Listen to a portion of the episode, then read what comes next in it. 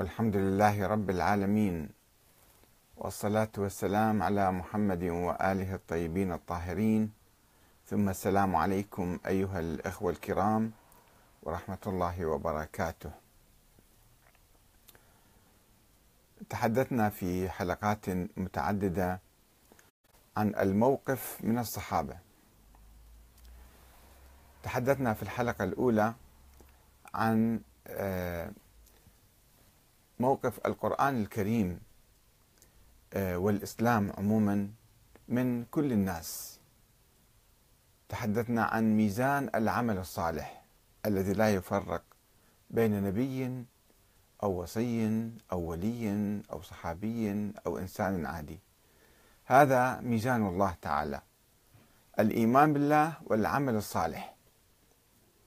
ولم يضع الله تعالى ميزانا خاصا حتى للأنبياء. ولأني أخاف إن عصيت ربي عذاب يوم عظيم. النبي إذا عصى الله فهو يخاف من العقاب والعذاب. فكيف نعطي مثلا للصحابة أو لأهل البيت العصمة بأنهم كلهم عدول وكلهم معصومون وكل مهما ارتكبوا من ذنوب وأخطاء فهم مغفور لهم. الله سبحانه وتعالى يسامحهم. لماذا؟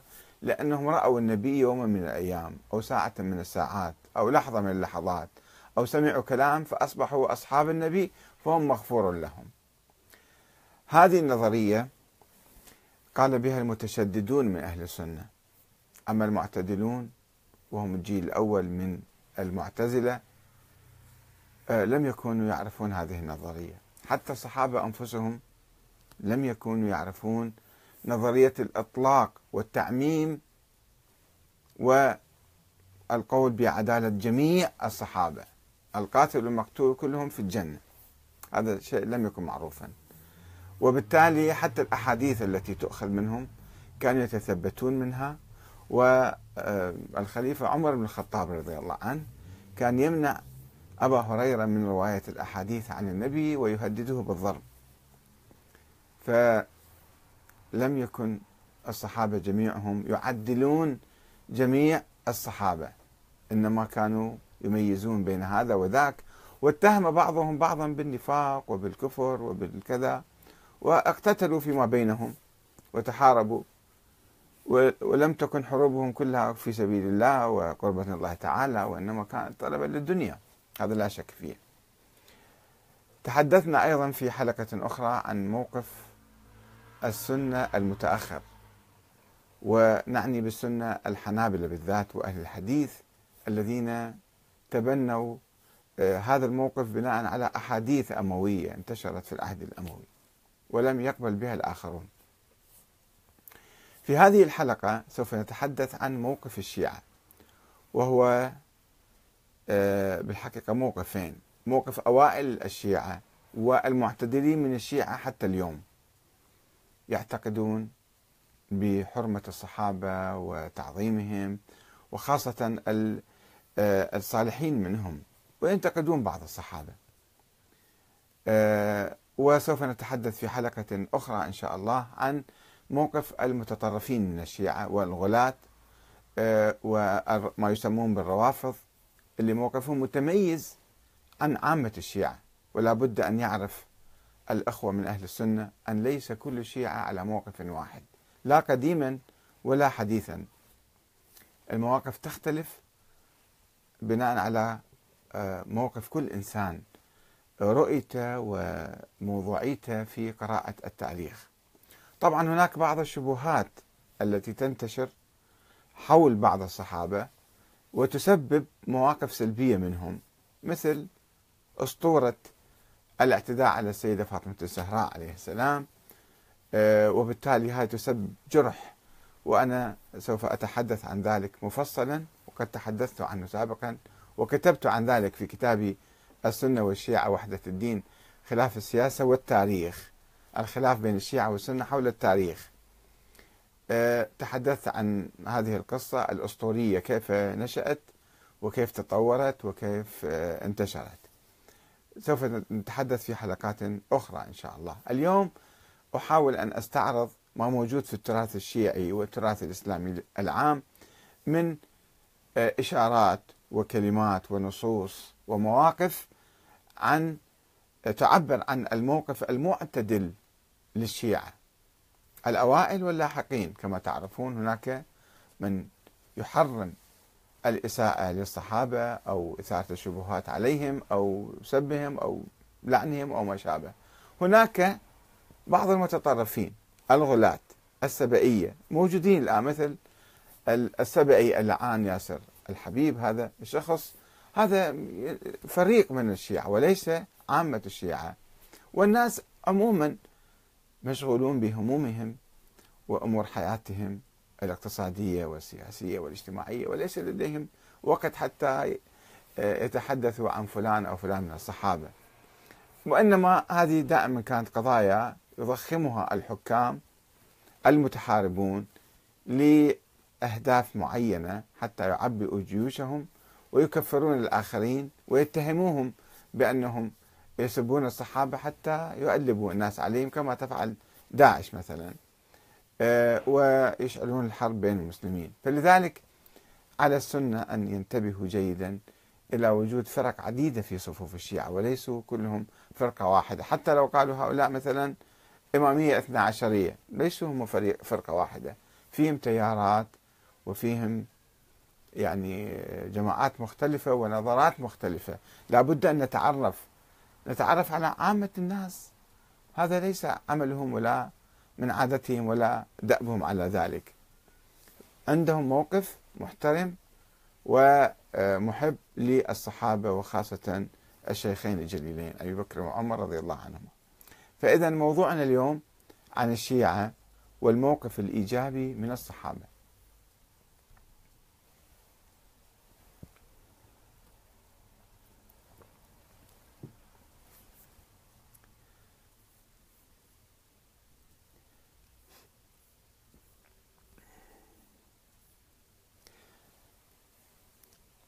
إذا فإن الفتنة الكبرى التي عصفت بالجيل الأول من المسلمين.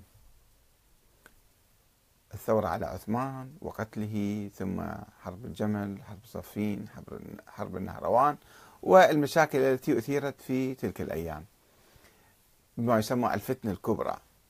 هذه الفتنة الكبرى عصفت أو فتحت باب فتحت الباب أمام عمليات نقد واسعة ضد عدد من الصحابة كما تعرفون يعني كل صحابي كان عنده أنصار وعنده أعداء فصار في خلاف وسب وشتم وحروب بينهم. ضد عدد من الصحابة الذين قادوا الحروب والمعارك منذ حصار عثمان بن عفان رضي الله عنه وقتله مرورا بحرب الجمل وانتهاء بحرب صفين والنهروان. النهروان أصحاب النهروان كفروا الإمام علي ولم يلعنوه فقط. ولم يكن نقد الصحابة أو سب أو سبهم أو لعنهم أو تكفيرهم يقتصر على الشيعة الذين لم يكونوا قد تبلوروا بعد كطائفة خاصة. ما كان في شيء, شيء اسمه طائفة الشيعة. المسلمين عموما وفي غالبيتهم كانوا شيعة الإمام شيعة الإمام الحاكم. الإمام علي بن أبي طالب. الشيعة يعني الأنصار الأتباع. بهذا المعنى. فلم تكن هناك طائفة خاصة لا رافضية ولا غير رافضية معروفة أن ذول الجماعة يسموهم شيعة. وإنما كانوا لا يزالون حزب حزبا سياسيا. يوالي الإمام علي أو جماهير شعبية توالي الإمام علي. أو كانوا في فترة معينة يمثلون التيار العام للمسلمين في عهد حكم الإمام علي. ثم تشعب منهم الخوارج الذين انشقوا انشقوا على الإمام علي وكفروه. من شيعة الإمام علي هؤلاء؟ أيضا قسم آخر اندمج في صفوف معاوية بعد تنازل الإمام الحسن عن الخلافة. راح صار في جيش في جيش معاوية. وبما أن الشيعة في ذلك الوقت لم يكونوا يمتلكون أي نظرية سياسية خاصة بهم كنظرية الإمام الإلهية ما كانت معروفة عند الشيعة هذه. التي ولدت فيما بعد. لذلك فقد كان موقفهم من الشيخين الجليلين الخليفتين الراشدين أبي بكر وعمر رضي الله عنهما موقفا إيجابيا وعاديا كموقف بقية المسلمين. لما كان عندهم مشكلة مع أبي بكر وعمر. المشكلة بدأت من عثمان. ثورة على عثمان وقتلت عثمان وانشقاق طلحة والزبير وعائشة في آه، حرب الجمل في البصرة وكذلك معاوية. وكانوا يكنون لهما الشيعة عموما يكنون لأبي بكر وعمر كل المحبة والتقدير. بل وعمل بعض قادة الحزب الشيعي اللي كانوا معروفين الحزب قبل ما يتولى الإمام علي السلطة أنصار الإمام علي. هؤلاء تولوا آه، آه، آه، يعني أصبحوا ولاة لأمير المؤمنين عمر بن الخطاب مثل سلمان الفارسي الذي أصبح والي المدائن وعمار بن ياسر والبراء بن عازب وحذيفة بن اليمان وسهل بن حنيف وعثمان بن حنيف وحجر بن عدي وهاشم المرقال ومالك الأشتر. هؤلاء كلهم كانوا ولاة لعمر بن الخطاب. عمر بن الخطاب ما جاب عشيرته وحطهم على آه، المسلمين. وعندما استشار عمر بن الخطاب رضي الله عنه عليا عليه السلام في الشخوص لقتال الفرس بنفسه. أن هو يروح يقود الجيش ويحارب الفرس. قال له الإمام علي إن هذا الأمر لم يكن نصره ولا خذلانه بكثرة ولا قلة وهو دين الله من الله والله منجز وعده وناصر جنده. والعرب اليوم وإن كانوا قليلا فهم كثيرون بالإسلام وعزيزون بالاجتماع فكن قطبا أنت أبقى رمي يعني وسط المعركة. فكن قطبا واستدر الرحى واستدر الرحى بالعرب. وأصلهم دونك نار العرب أو نار الحرب. فإنك إن شخصت أي خرجت أنت ده ينصح هذا موجودة في نهج بلاغة هذه الخطبة أو الكلام هذا. فإنك إن خرجت من هذه الأرض انتقضت عليك العرب من أطرافها وأقطارها. خليك باقي أنت في المدينة. هذا من ناحية حتى يكون ما تدع وراءك من العورات أهم إليك مما بين يديك. أنت راح تحارب بالجبهة وهذول الناس يستوون كانوا مرتدين ويرجعون يرتدون مرة ثانية وينقلبوا عليك. إن الأعاجم أن ينظروا إليك غدا يقولوا هذا أصل العرب. فإذا قطعتموه استرحتم فيكون ذلك أشد لكلبهم عليك. يعني راح يركزون كل قواتهم حتى يقضون عليك. وطمعهم فيك. فقال لا تروح ابقى أنت في المدينة. شوف هاي نصيحة ما واحد مخلص ما عنده عداوة ويا صديقه وزميله وأخيه عمر بن الخطاب. ولذلك نصحه نصيحة يعني راقية جدا. وهي موجودة في نهج البلاغه البعض يحاول سنأتي في الحلقة القادمة. يحاول أن يفتعل الخلافات والصراعات والنزاعات حتى آه، يحدث يعني شرخ بين أهل البيت والصحابة وهذا مو صحيح. وهناك رواية يذكرها ابن قتيبة الدينوري ومصادر شيعية أخرى تؤكد هذا المعنى وتقول إن حجر بن عدي وعمر بن الحمق وعبد الله بن وهب الراسبي دخلوا على علي فسألوه عن أبي بكر وعمر ما تقول فيهما؟ شنو رأيك فيهم؟ وقالوا بين لنا قولك فيهما وفي عثمان. شنو أنت موقفك ورأيك؟ فقال علي وقد تفرغتم لهذا. إحنا الآن وين؟ وأنتم وين؟ إحنا عندنا مشاكل معاصرة وعندنا حروب. وأنتم جاي تسألوني عن التاريخ. ما في داعي أن نغوص بالتاريخ كثيرا كما يفعل بعض الناس اليوم. يغوص بالتاريخ ويتخذ مواقف ويشارك في المعارك حتى. يشارك بالمنامات. يشارك بالمعارك مع هذا الفريق أو ذاك الفريق. شوفوا المنطق الإمام علي. أنه وقد تفرغتم لهذا. الآن عندكم أعداء محيطين بكم. الآن الآن في هذا الوقت. وإحنا نجي نبحث بالتاريخ. أنا أبحث هذا الموضوع اليوم حتى نتجاوز التاريخ. وحتى لا نغوص فيه كثيرا ولا نتقاتل عليه ونقول ونقدم صورة أخرى. صورة أخوية رائعة كانت بين الصحابة وأهل البيت بدون افتعال وبدون إثارة. وهذه يقول الإمام علي يخاطبهم هؤلاء الذين سألوه عن أبي بكر وعمر وعثمان. قال لهم وهذه مصر قد افتتحت وشيعتي فيها قد قتلت. معاوية كان مقتحم مصر. إني مخرج إليكم كتابا. أنبئكم فيه ما سألتموني عنه. فاقرؤوه على شيعتي. قال ما دام أنتم سألتوا راح أطلع لكم بيان وروحوا اقرؤوا على شيعتي على عامة الناس يعني. فأخرج إليهم كتابا فيه. هسه نشوف شنو فيه. كتاب طويل.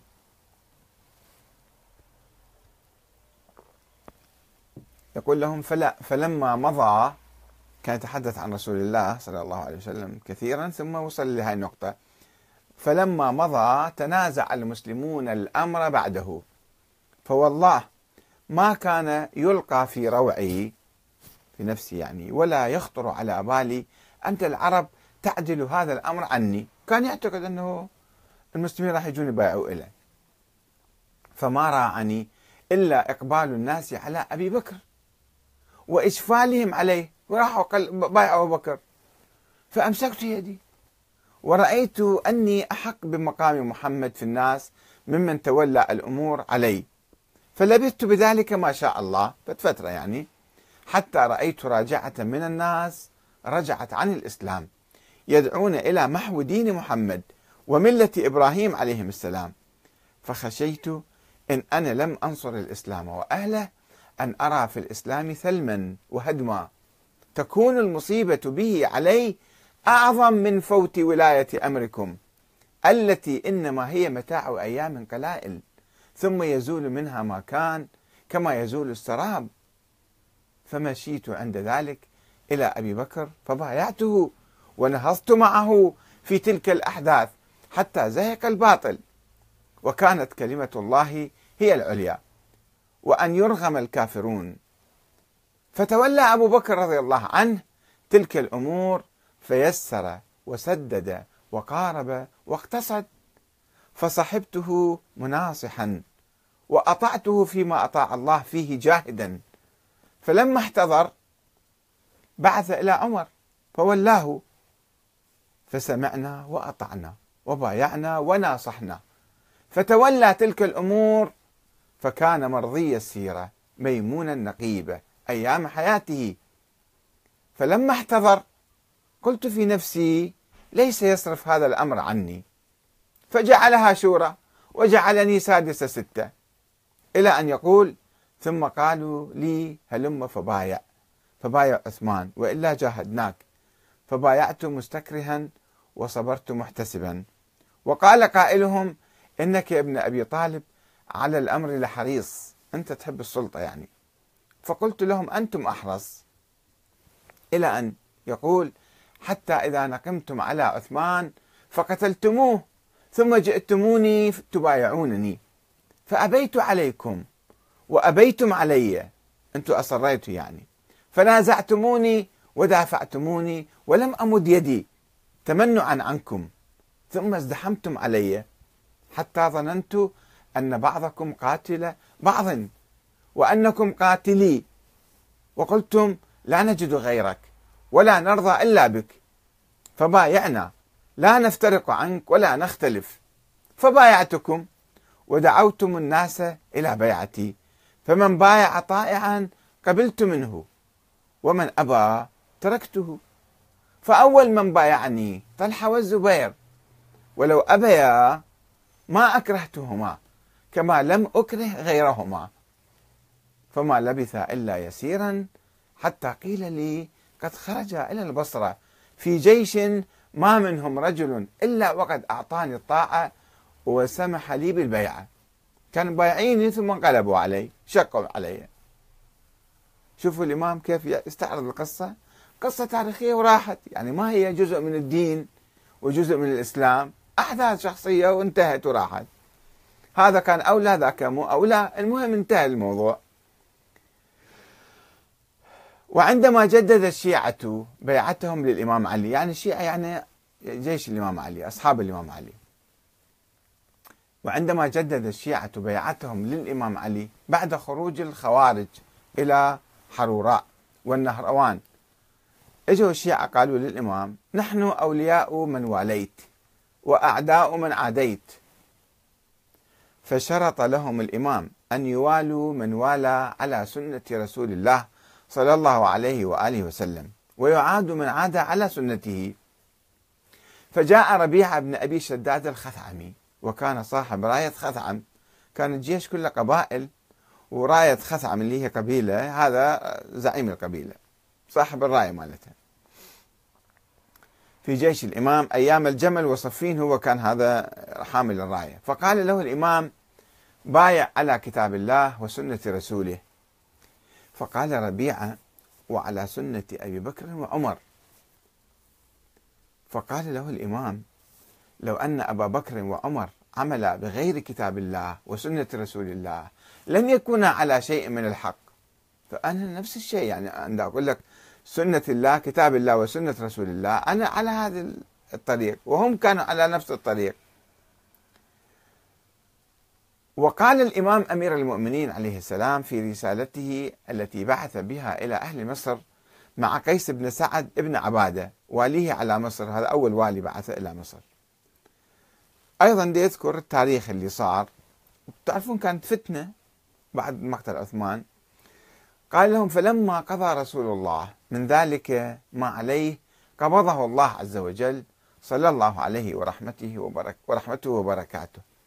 ثم أن المسلمين استخلفوا به أميرين صالحين. عملا بالكتاب والسنة وأحسن السيرة ولم يعدوا لسنته يعني ما تجاوزوها. ثم توفاهم الله عز وجل رضي الله عنهما. وقال علي عليه السلام عن أخيه عمر بن الخطاب بالخصوص لقد قوم الأود. العوجاج يعني. وداوى العمد وأقام السنة وخلف الفتنة يعني ترك وراءه ذهب ذهب نقي الثوب. قليل العيب. أصاب خيرها وسبق شرها. أدى إلى الله طاعته واتقاه بحقه. شوفوا كيف يمدح الإمام عمر بن الخطاب. وتجلى هذا الموقف الإيجابي مو بس, مو بس موقف الإمام علي هذا حتى أبنائه أيضا وأحفاده. وتجلى هذا الموقف الإيجابي من الشيخين أيضا في ثقافة أهل البيت عليهم السلام وخصوصا في دعاء الإمام السجاد علي بن الحسين الذي يقول فيه وهذا موجود في الصحيفة السجادية. اللهم وأصحاب محمد صلى الله عليه وآله خاصة الذين أحسنوا الصحبة والذين أبلوا البلاء الحسن في نصره وكاتفوه وأسرعوا إلى وفادته وسابقوه وسابقوا إلى دعوته واستجابوا له حيث أسمعهم حجة رسالاته وفارقوا الأزواج والأولاد في إظهار كلمته وقاتلوا الآباء والأبناء في تثبيت نبوته وانتصروا به وما كانوا منطوين على محبته يرجون تجارة لن تبور في مودته والذين هجرتهم العشائر إذ تعلقوا بعروته وانتفت منهم القرابات إذ سكنوا في ظل قرابته فلا تنسى لهم. اللهم تركوا لك وفيك وأرضهم من رضوانك. يعني هم ضحوا وأنت الله أغفر لهم وأرضى عنهم. وقد روى الكليني هذا في الصحيفة السجادية كما قلت لكم. وقد روى الكليني في الروضة من الكافي والكليني هو آه، يعني تقريبا مؤسس الفرقة جمع التراث الإمامي حتى ما نقول مؤسس جمع التراث الإمامي وفي تطرف في كثير من أحاديثه ولكن مع ذلك تجدون في أحاديث عن أهل البيت تخالف النظرية اللي هو كان يتبناها. ولكن طبعا هم يأولوها تأويل يعني باطني مقلوب. ولكن لو نقرأ الحديث الصريح اللي لا أحد يشكك فيه وناخذه حسب الظاهر وما ناخذ الروايات المضافة إليه سرا الرواية العلنية للإمام الصادق. شوفوا موقف الإمام الصادق من أبي بكر وعمر. روى الكليني في الروضة من الكافي. الروضة قسم من كتاب الكافي. عن أبي بصير. قال كنت جالسا. أبو بصير هذا أيضا من شيوخ الإمامية يعني هو.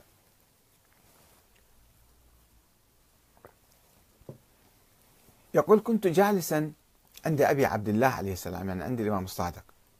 إذ دخلت علينا أم خالد تستأذن عليه. فقال أبو عبد الله قال لأبي بصير أيسرك أن تسمع كلامها؟ قال فقلت نعم. قال فأذن لها. قال وأجلسني معه على الطنفسة على نفس الفراش أجلس أبو بصير جنبه. قال ثم دخلت أم خالد فتكلمت فإذا امرأة بليغة فسألته عنهما. جاية بقضية قاعد تسأل عليها. فسألته عنهما أي عن أبي بكر وعمر رضي الله عنهما. فقال لها توليهما. أنت توليهم ذول يعني يستحقون الولاء. آه قالت فأقول لربي إذا لقيته إنك أمرتني بولايتهما لأنه كان ذيك الأيام الغلاة والمتطرفين والروافض يشيعون أفكار مضادة لهم وهاي جاي تسأل الإمام نفسه أنت أعطيني رأيك؟ بالخصوص أسمع من عندك. مو أسمع من الروايات الموضوعة والأحاديث الكاذبة والإشاعات لا أسمع منك. أنت شنو موقفك؟ من أبي بكر وعمر. فقال لها توليهما. قالت فأقول لربي إذا لقيته إنك أمرتني بولايتهما؟ قال نعم. أنا أقول ذلك.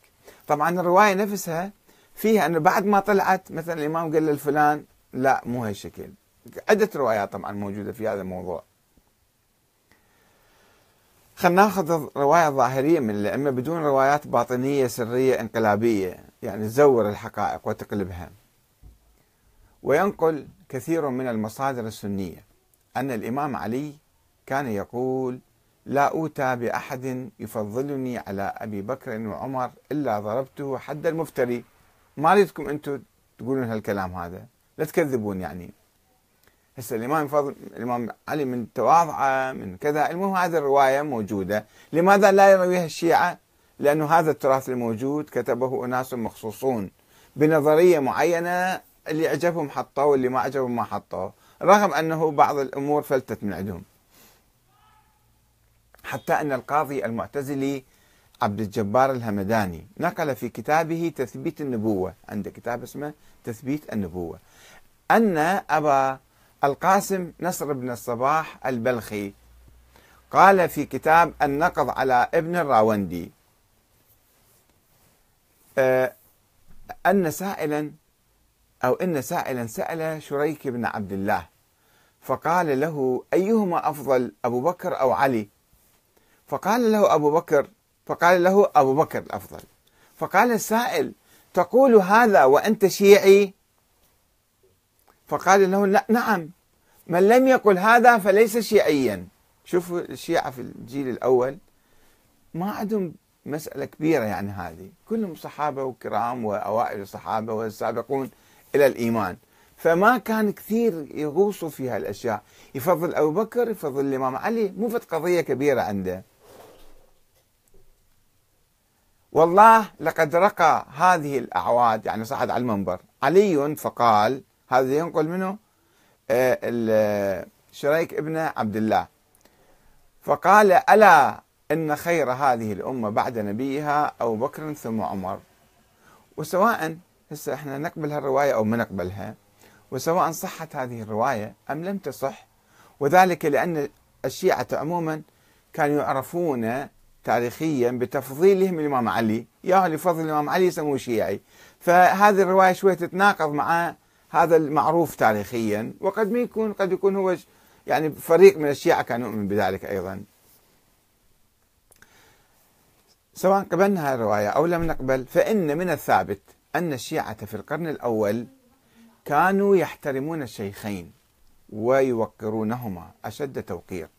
ولم تكن لهم مؤاخذات إلا على بعض الصحابة الذين حاربوا الإمام علي أو اختلفوا معه. هذا وهذا ما يؤكده إمام أهل السنة في القرن الخامس الهجري اللالكائي معروف واحد اسمه اللالكائي يعتبر إمام أهل السنة في القرن الخامس الهجري. حيث يروي في كتابه السنة يقول عن عن سند يعني إلى أن يصل إلى حديث ابن أبي مطر. قال سمعت سلمة يقول جالست المسيم ابن نجية الفزاري في هذا المسجد مسجد الكوفة يعني عشرين سنة جالست عشرين سنة. وهذا وناسا من الشيعة كثيرا جالستهم أيضا. فما سمعت أحدا منهم تكلم في أحد من أصحاب رسول الله إلا بخير. وما كان الكلام إلا في علي وعثمان. الفتنة اللي صارت الفتنة الكبرى أنه علي أو عثمان أو عثمان أخطأ أو لم يخطئ أو كذا اللي أدى إلى مقتل عثمان. والحروب اللي تلت بعد ذلك حرب الجمل وصفين والنهروان. فيقول الشيعة ما كان عندهم كلام حول أبي بكر وعمر. والناس عموما كانوا يخوضون في هذه المسائل في بين علي وعثمان. أجل إن التاريخ يسجل أن الأجيال الأولى من الشيعة وخاصة في القرن الأول الهجري قالت هذا مكتوب في فرق الشيعة النوبختي والمقالات والفرق لسعد بن عبد الله الأشعري القمي عندما يذكرون تاريخ الفرق الشيعية وأقوالها يذكرون كلهم أنه متفقين على مسألة الأفضلية. قالت إن عليا كان أولى الناس بعد رسول الله لفضله وسابقته وعلمه ما يقولون في نص عليه. لا أنه هذا أفضل ذاك أفضل. يعني هذه مسألة عادية. وهو أفضل الناس كلهم بعده بعد رسول الله. وأشجعهم وأورعهم وأزهدهم. طيب وأجازوا مع ذلك الشيعة الأوائل الفرق الشيعية الأولى. وأجازوا مع ذلك إمامة أبي بكر وعمر وعدوهما أهلا لذلك المكان والمقام. أيضا يعترفون بإمامة أبي بكر وعمر ما كان مشكلة عندهم. ما كانوا يعتقدون دولة غاصبين للخلافة وغاصبين لحق الإمام علي. لا هذا أولى من ذاك. المهم هذا الناس بايعوه وانتخبوه وكان خوش آدمي وخلص. وذكروا أن عليا سلم لهما الأمر. الإمام هو بايعهم. بعد إحنا ليش نكون ملكيين؟ أكثر من الملك كما يقولون. ورضي بذلك. وبايعهما طائعا غير مكره. وترك حقه لهما. إذا كان عنده يعني نص عليه مثلا. فنحن راضون كما رضي المسلمون له. ولمن بايع؟ لا يحل لنا غير ذلك. ولا يسع منا أحدا إلا ذلك. أنه نحترمهم كلهم. وأن ولاية أبي بكر صارت رشدا وهدى لتسليم علي ورضاه هو الإمام علي قابل به أنت ليش أنت معارض وترفض؟ وصار حامي حمامك أكثر من الإمام علي. بينما قالت فرقة أخرى من الشيعة إن عليا أفضل الناس لقرابته من رسول الله ولسابقته وعلمه ولكن كان جائزا للناس أن يولوا عليهم غيره. إذا كان الوالي الذي يولونه مجزئا هاي القضية تعود للناس. الناس هم اخترعوا بكروا بايعوا فإذا هذا حقهم. لأن أساسا الحكم بالشورى مو بالنص والتعيين. والمسلمين ما سووا شيء. انتخبوا أبو بكر بايعوا خلص حتى لو كان هذا أفضل من ذاك فالمسألة بالنسبة للسلطة بايعوا وانتهى الأمر. أحب ذلك أو كرهه. الآخر يعني. فولاية الوالي الذي ولوا على أنفسهم برضا منهم رشد وهدى وطاعة لله عز وجل. لأنهم كانوا يؤمنون بالشورى ما كانوا يعرفون النص. فهذول الشيعة الأجيال الأولى وهذه الفرق الشيعية كانت تعتقد المسألة صارت يعني ديمقراطية انتخابات هم انتخبوا وبايعوا. وطاعته واجبة من الله عز وجل لأنه حاكم صار يعني بهالمعنى. هذا ما, ما, ما كان يقوله الشيعة وهذا مكتوب في فرق الشيعة.